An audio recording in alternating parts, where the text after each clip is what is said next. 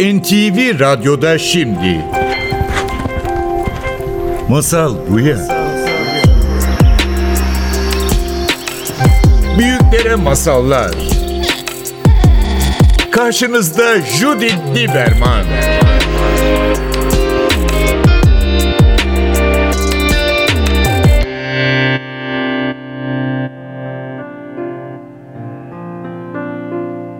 Masal Buya'ya hoş geldiniz. Bugün Selen Çağlık Eloğlu ile birlikteyiz. Selen hoş geldin. Hoş buldum.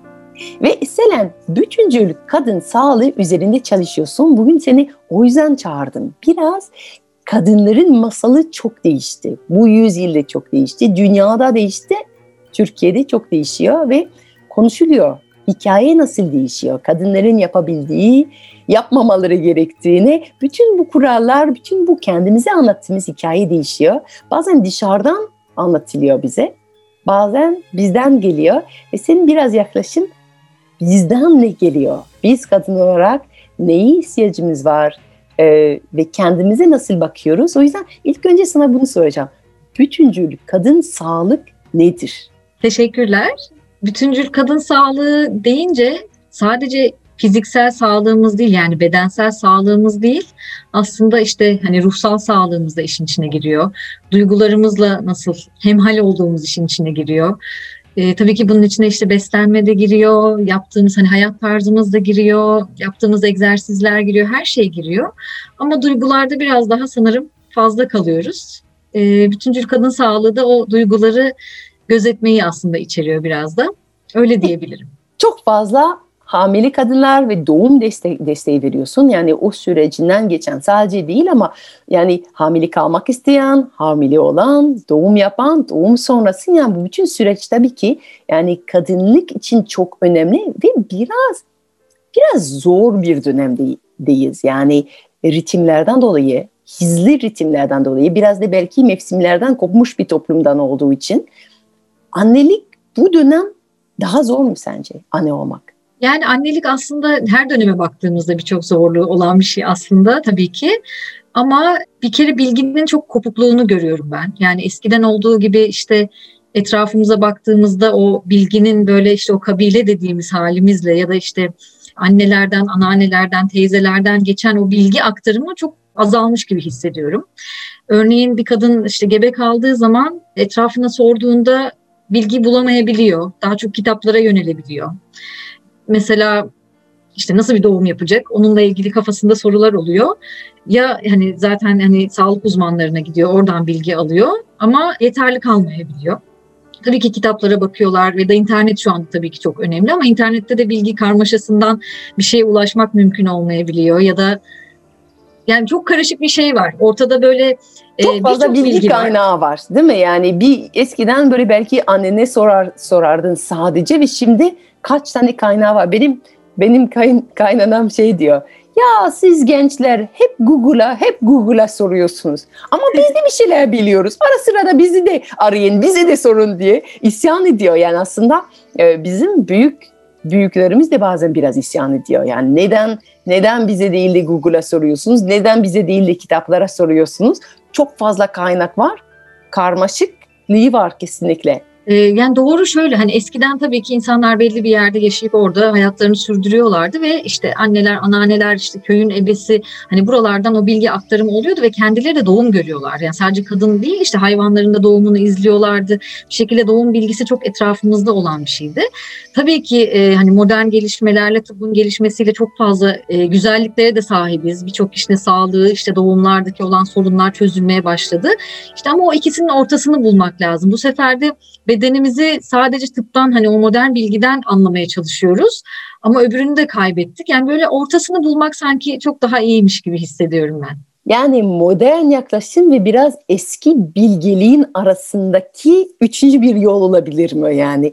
Ve aynı zamanda sen ebe öğrencisin yani şu an uzun zamandır zaten kadınlara destek veriyorsun ve o tarafına bakıyorsun. Amerika'da eğitimleri görüyorsun. Çok ilginç bir yerde ondan bahsederiz. Ama şu an ebeliğe yönlendiriyorsun. Senin için bu doğum anı ve bu doğumda bulunmak neden kişisel olarak neden o kadar önemli? Onu merak ettim. Ee, yani benim hani kişisel hikayemden aslında geldi. Ben kendi gebeliğimde kaynağa ulaşmakta çok zorlandım.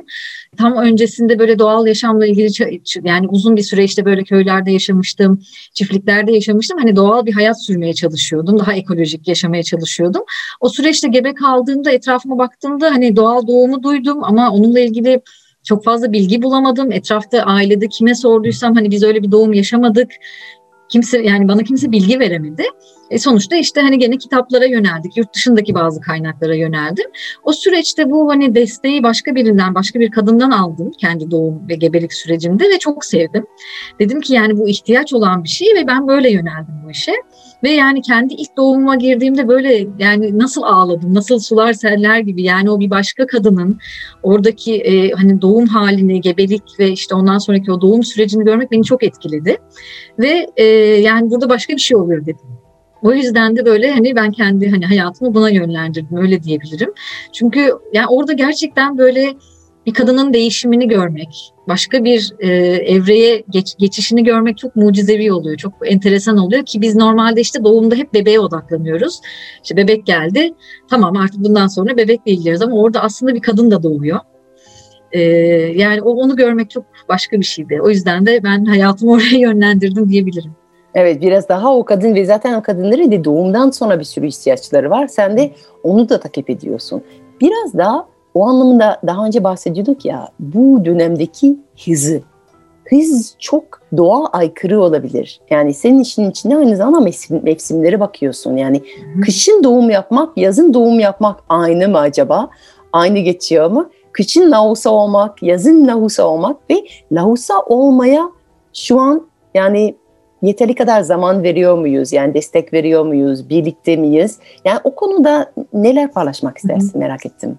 Yani şimdi aslında birçok kültür lohusalığı çok böyle yani geç, orada bir doğum var ve geçiş süreci yaşanıyor. Lohusalık da o geçiş sürecinin bir devamı. İşte özellikle yani birçok kültürde işte Meksikalılar da quarentana diyorlar.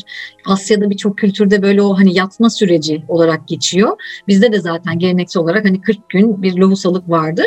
Ve tıbbi olarak da 6 hafta diye geçer bu. Hani eski kültürlerin çoğunda yani bizim Anadolu'da da kadın o süreçte bayağı pohpohlanır. İşte bir yere çok fazla çıkartılmaz çünkü bazı hani e, yani hem enerjileri açık oluyor hem işte tıbbi sorunları açık olabiliyor. Bunu insanlar kendilerince anlamışlar ve o süreci kadının birazcık durması gereken bir süreç olarak görmüşler. Ama e, yani tabii ki işte mesela günümüzde işte hani eskiden kadınlar çıkmayın derlerdi. Şimdi ama işte mesela doktor kontrolüne gidilmesi tabii ki gerekiyor. İşte bebeğin mesela bir hafta sonra işte hastaneye götürülmesi gerekiyor. Yani bu tür süreçler de var. İşte bu ikisinin dengesini pek bulmakta hani özellikle şehirlerde zorlanıyoruz diye düşünüyorum. Şey de var kadınlarda yani özellikle bu sosyal medyanın ya da medyanın e, bazen baskısı oluyor. İşte doğum yaptı hemen bak hayatına geri dönebildi. Bedeni hemen işte kilo verdi. İşte aa ne kadar da işte başarılı oldu diye böyle bir e, baskı da hissediyorum ben kadınların üzerinde. Toparlan, toparlan, toparlan deniyor değil mi? Yani bir an önce toparlan. Haydi ayağa evet. kalk. Hop, hop. Ve yani aslında orada sonuçta koskoca bir olay var. Yani bu illa hani şey normal doğum değil yani sezeryanda daha da hani insanların aslında biraz daha dinlenmesi gerekiyor. İşte orada bir hani vücudun 9 ayda bir yaptığı inanılmaz bir çalışma var. Onun toparlanması zaten hani 40 gün bile değil. Çok uzun süren bir süreç. Ve orada hani böyle işte hani hayatıma geri döneyim işte e, tekrar işe başlayayım. Ondan sonra işte koştur koştur bir şeyleri halledeyim. Evle uğraşayım, işle uğraşayım, işte eşimle uğraşayım. Yani bunların hepsinin böyle beklendiği bir sürece giriyor kadınlar. İşte orada belki birazcık bir durmak lazım. Yani ben neler yaptım bir dinlenmem gerekiyor diye düşünmek lazım. İşte dinlenme kültürü dediğimiz şey çok eksik diye düşünüyorum ben. Ama eskiden de tabii ki kadın yani tek başına o bebekle durmuyordu. Etrafındaki o insanlar işte anneler, teyzeler, anneanneler herkes onu kolluyordu. Bir başka kadın doğurduğunda da o kadın ona zaten desteğe gidiyordu. Yani yani tabii ki işte şimdi anneler, anneanneler yardımcı olabiliyor ama hani oradaki yani başka bir enerjiyle işte kadınlar gene o hayata dönmeye çalışıyorlar. Bir şeyden eksik kaldım hissi çok oluyor.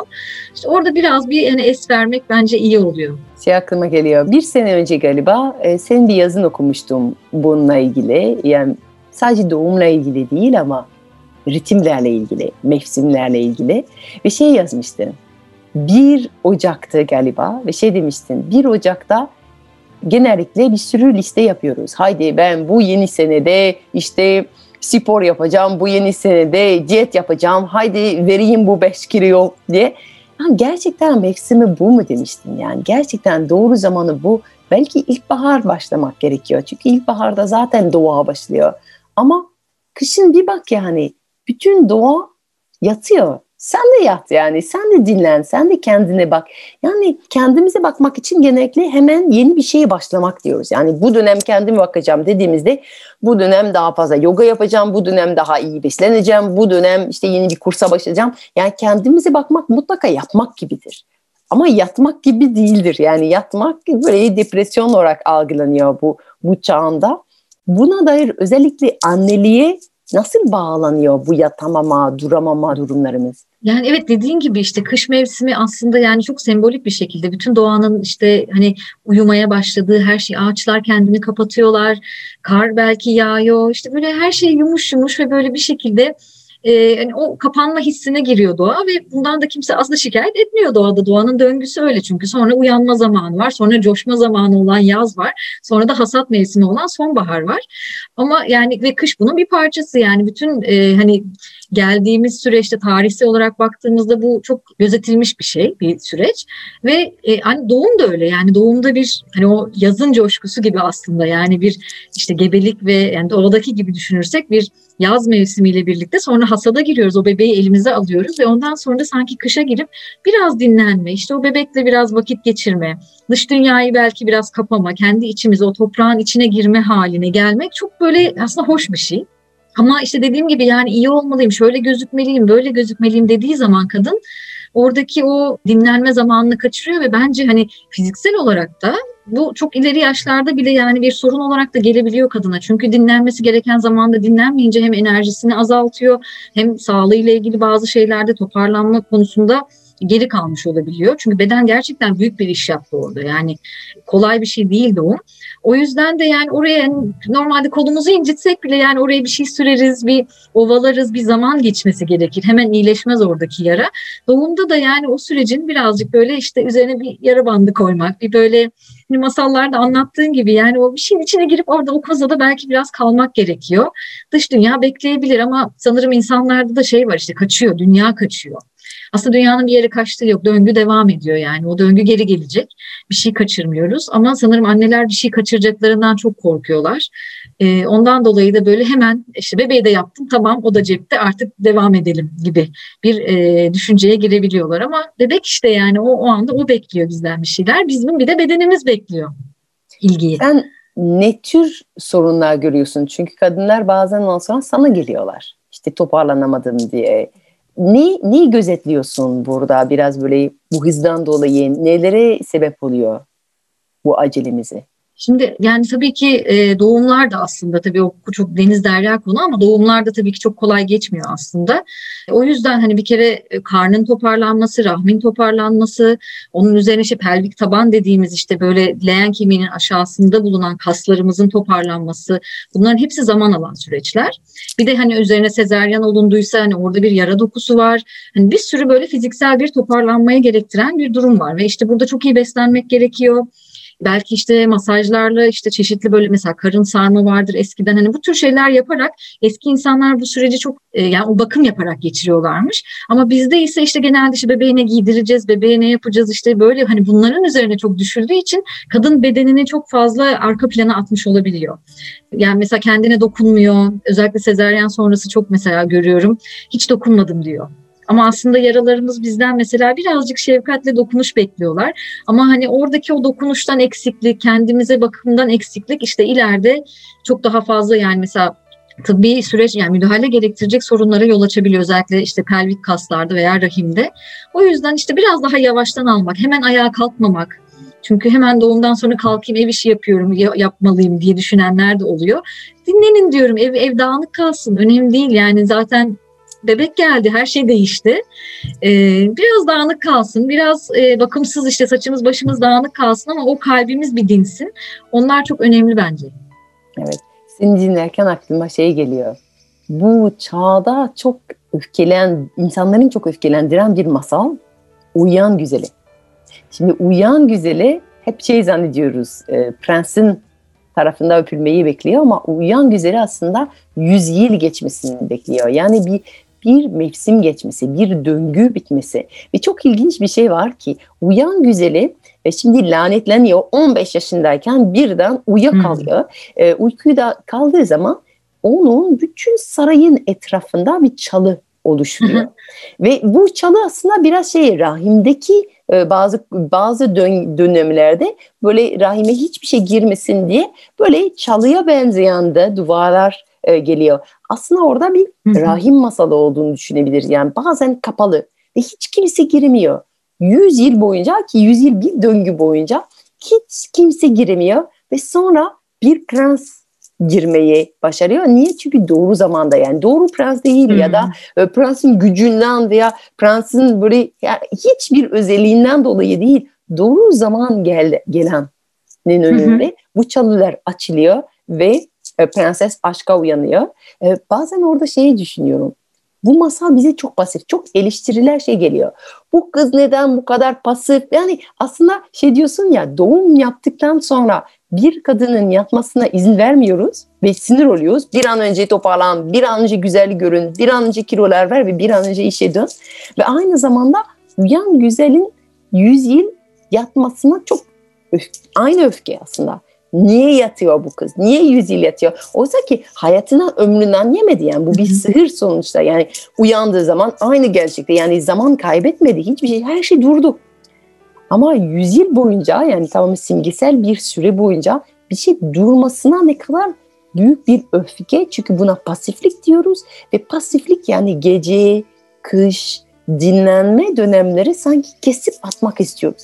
Ve bu masalda kesip atmak istiyoruz. Ama neyse ki çocuklar onu çok seviyor. Yani çünkü çocuklar dinlenmenin güzelliğin, dur, durmanın güzelliğini hala biliyorlar. Onlar verim döngüsünün içinde değiller. Yani nedense seni dinlerken bu masal gözümün önünde canlandı. Sana ne söylüyor bu masal acaba merak ettim. Bir şey duyuyor yani musun or- orada? Orada şey de olabilir belki hani 15 yaşında dedin ya yani aslında hani o genç kızın belki hani kadınlığa geçiş sürecinde kendini bulmasıyla ilgili bir zamana ihtiyacı olması ile ilgili. Yani böyle bir erginleşme süreci belki o ama hani o erginleşme işte böyle sosyalleşerek, sokağa çıkarak, onları yaparak değil. Önce bir kendinde bir ben kimim, ben neyim ve ne istiyorum hayatta diye onu bulma süreci belki de. Ee, hani onu anlatıyor gibi hissediyorum. Aynı şeyi işte doğum için de düşünebiliriz. Yani daha önceden ne oluyordu? Hani kadının kadın ne yapmalı? Hizmet etmeli işte. Ev işleri ondan yemek, her şeyi her şeyi yapsın yapsın. Bütün herkesi o koştursun. İşte daha modern olduğumuzda ise iş için kendini hani heba etsine kadar giden bir şey var ama aslında bir dakika yani ben ne kimseye hani böyle deli gibi hizmet etmek istiyorum ne de deli gibi çalışmak istiyorum. Ben bir oturup kendimi bulmak istiyorum. Dediği zaman aslında orada birçok şey açılıyor ve zaten oradan çıktığı haliyle birçok şeye yetecek enerjiyi de buluyor. Ama bu zorla olan bir şey değil. Yani o durma halinde kendini bulmasıyla ben ne istiyorum, hangi şeylere ne kadar enerjimi yönlendirebilirim bunu bulmak istiyorum deyip içine gittiği zaman zaten oradan çıkan kadını kimse de durduramaz yani ama o durma da önce durması gerekiyor ki sonra e, bir şeylere daha enerjik ve daha nasıl anlatayım daha coşkuyla ulaşabilsin. Ama bu şey yani biz sonuçta insanız. Duracağız ve dinleneceğiz ve yani gündüz gece aynı şekilde bir dinlenme zamanı mevsimler de öyle. İşte biz de önce duracağız ki toparlanacağız. Ondan sonra artık ne istiyorsak ona yönelebileceğiz. Yani biraz böyle şey seni dinlerken şey duydum biraz. Yani kadın neyi hizmet edeceğini karar veren iki tane güç. Bir taraf diyor ki kadın aileye hizmet etmeli. Öteki taraf diyor ki hayır kadın kapitalist sistemi hizmet etmeli ve aktif olmalı ve o da çalışmalı, o da e, ter dökmeli. Ama orada kimseye şey sormuyor. Sen ne istiyorsun? Sen neyi hizmet e, etmek istiyorsun? Sen neyi akmak istiyorsun? Coşkun nerede? Kalbin nerede? Hangi yolda? Ve e, günümüzde biraz böyle toplum ikiye bölünmüş gibi. Bir taraftaki e, bir tarafta doğan kadınların hepsine aile hizmet etmeli. Öteki tarafta doğan kadınları yani nerede doğduğun, hangi çevrede doğduğuna göre mutlaka çalışmalı.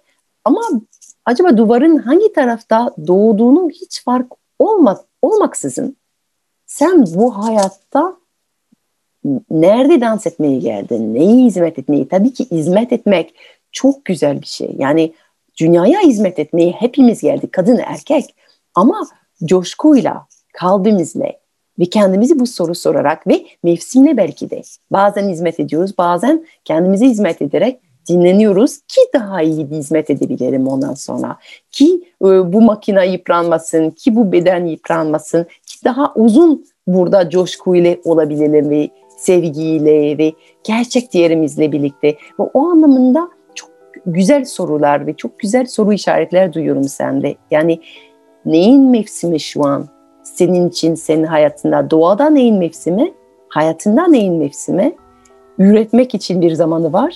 Ürettikten sonra bir insan gibi büyük bir üretim yaptıktan sonra mutlaka bu hasat aldıktan sonra bu sonbahardan sonra izin ver ki kış olsun ve sen bu kıştan bahsettiğin zaman ben kendi yani benim kızım doğduğu zaman ki benim kızım doğuşta ameliyatlıydı ve o yüzden ameliyattan dolayı hiç kimseyi eve almadık. Çünkü hastaneden çıktı ve çok e, özel bir ortam, bir sağlıklı bir ortam kurmamız gerekiyordu ve kışındı ve herkes gripti, herkes hastaydı. Kimse gelmedi ve o kadar güzel bir şey oldu ki bizim için. Bir ay boyunca kapandık, komple kapandık. Yani benim için uyan güzel o dönemde. Yani eşim, ben ve bebeğim üçümüz böyle bir kozan içinde iyileştik. Yani hem bu e, ameliyat sonrası hem benim ameliyatım hem bebeğin ameliyatı hem eşim için bütün bunlar için endişe etmekten iyileşmek ve hala hatırlıyorum ilk bu süreçten sonra güneşli bir gün oldu. Mira bir aylıktı galiba e, ve güneşe çıktık hep birlikte bir parka gittik ve o gün Nazım Hikmet'in şiiri okuduk birlikte. Bugün beni ilk defa güneşe çıkarttılar e, diyen. Çünkü böyle bir histi yani bir kozadan çıkma bir hapishaneden değil ama bir kozadan çıkma ve güneşi yeniden keşfetmek gibi bir şeydi. Mevsimler takip ettiğimizde gerçekten coşkuyla birlikte gelebiliyoruz ondan sonra. Ondan sonra açılmak ne kadar coşkulu oldu bizim için. Çok az zamanımız var ama şey merak ederim. Şu an bu dönemde hamileliği düşünen veya hamileliği yaşayan kız kardeşlerimizi neler söylemek istersin? Yani cebimize atacak veya belki hamile bir kişiye eşlik eden bir kişiye senin öğrendiklerinden, senin cebine atanlar nedir? Ee, yani o gebeliğin ve doğumun da işte o mevsimsel döngülerle benzerliğini görmek bence güzel oluyor. İşte önce gebe kalınıyor bir heyecan ve şey hani kıpır kıpır haller sanki bir ilkbahar gibi. Sonra bir anda işte ikinci trimester dediğimiz ikinci üç aylarda böyle bir enerji patlaması olur sanki bir yaz mevsimi gibidir. Ondan sonra da hani şeye bakmak lazım. O enerjinin arttığı dönem mesela işleri o zaman halledip yani şu, işte doğum sonrasında bir şeyleri hazırlamak falan belki yemek yenecekse bir şeyleri işte kaldırmak dolaba falan filan yani o yaz mevsiminin enerjisiyle o dönemi halletmek. Sonra işte doğuma yaklaştıkça zaten hani vücut daha da kapanmaya başlıyor. İşte orada o hazırlıkları yapmak ve doğduktan sonra da işte o hani kış mevsiminin enerjisinde işte içeride kalmayı böyle onların hepsini o süreci görebilmek bence çok güzel oluyor. İşte yani koşturmadan tamam şimdi işte bir bebeğin geldi, hoş geldi, sen de hoş geldin anne olarak.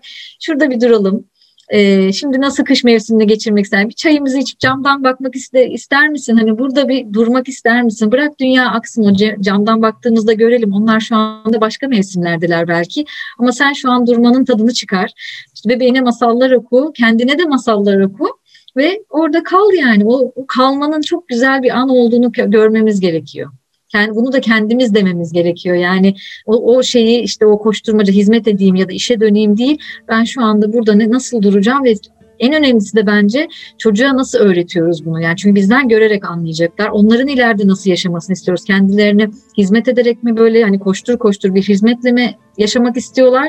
Yoksa biz onlara örnek olarak bak durmak da önemli, sen de dinlenmelisin diye onu göstermemiz de önemli diye düşünüyorum. Ne yaparsak onlar kapıyorlar çünkü.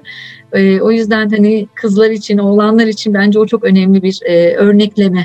Bizi görerek onlar da onu anlayacaklar kendilerine bakım yapmayı. Selen sana çok teşekkür ederim. Dilerim ki e, bütün hamile kalan kadınların yanında onları dinlemek için ve onlara rehber etmek için senin gibi bilgi ebeler e, olsun ki zaten oluyor yani gerçekten çok büyük bir e, devrim var ebe dünyasında çok güzel bir açılım. Hepinizi kutluyorum o anlamda destekleyiciler olarak, şifacılar olarak çok teşekkür ederim. Ben de çok teşekkür ederim. Çok teşekkürler buraya çağırdığın için. Judith Lieberman'la Masal Buya'nın bugünkü bölümü sona erdi. Kaçıranlar ve tekrar dinlemek isteyenler için programın tüm bölümleri NTV Radyo'nun web sitesinde Apple, Google, Spotify podcast hesaplarında. İstediğiniz zaman ulaşabilir, istediğiniz yerde dinleyebilirsiniz.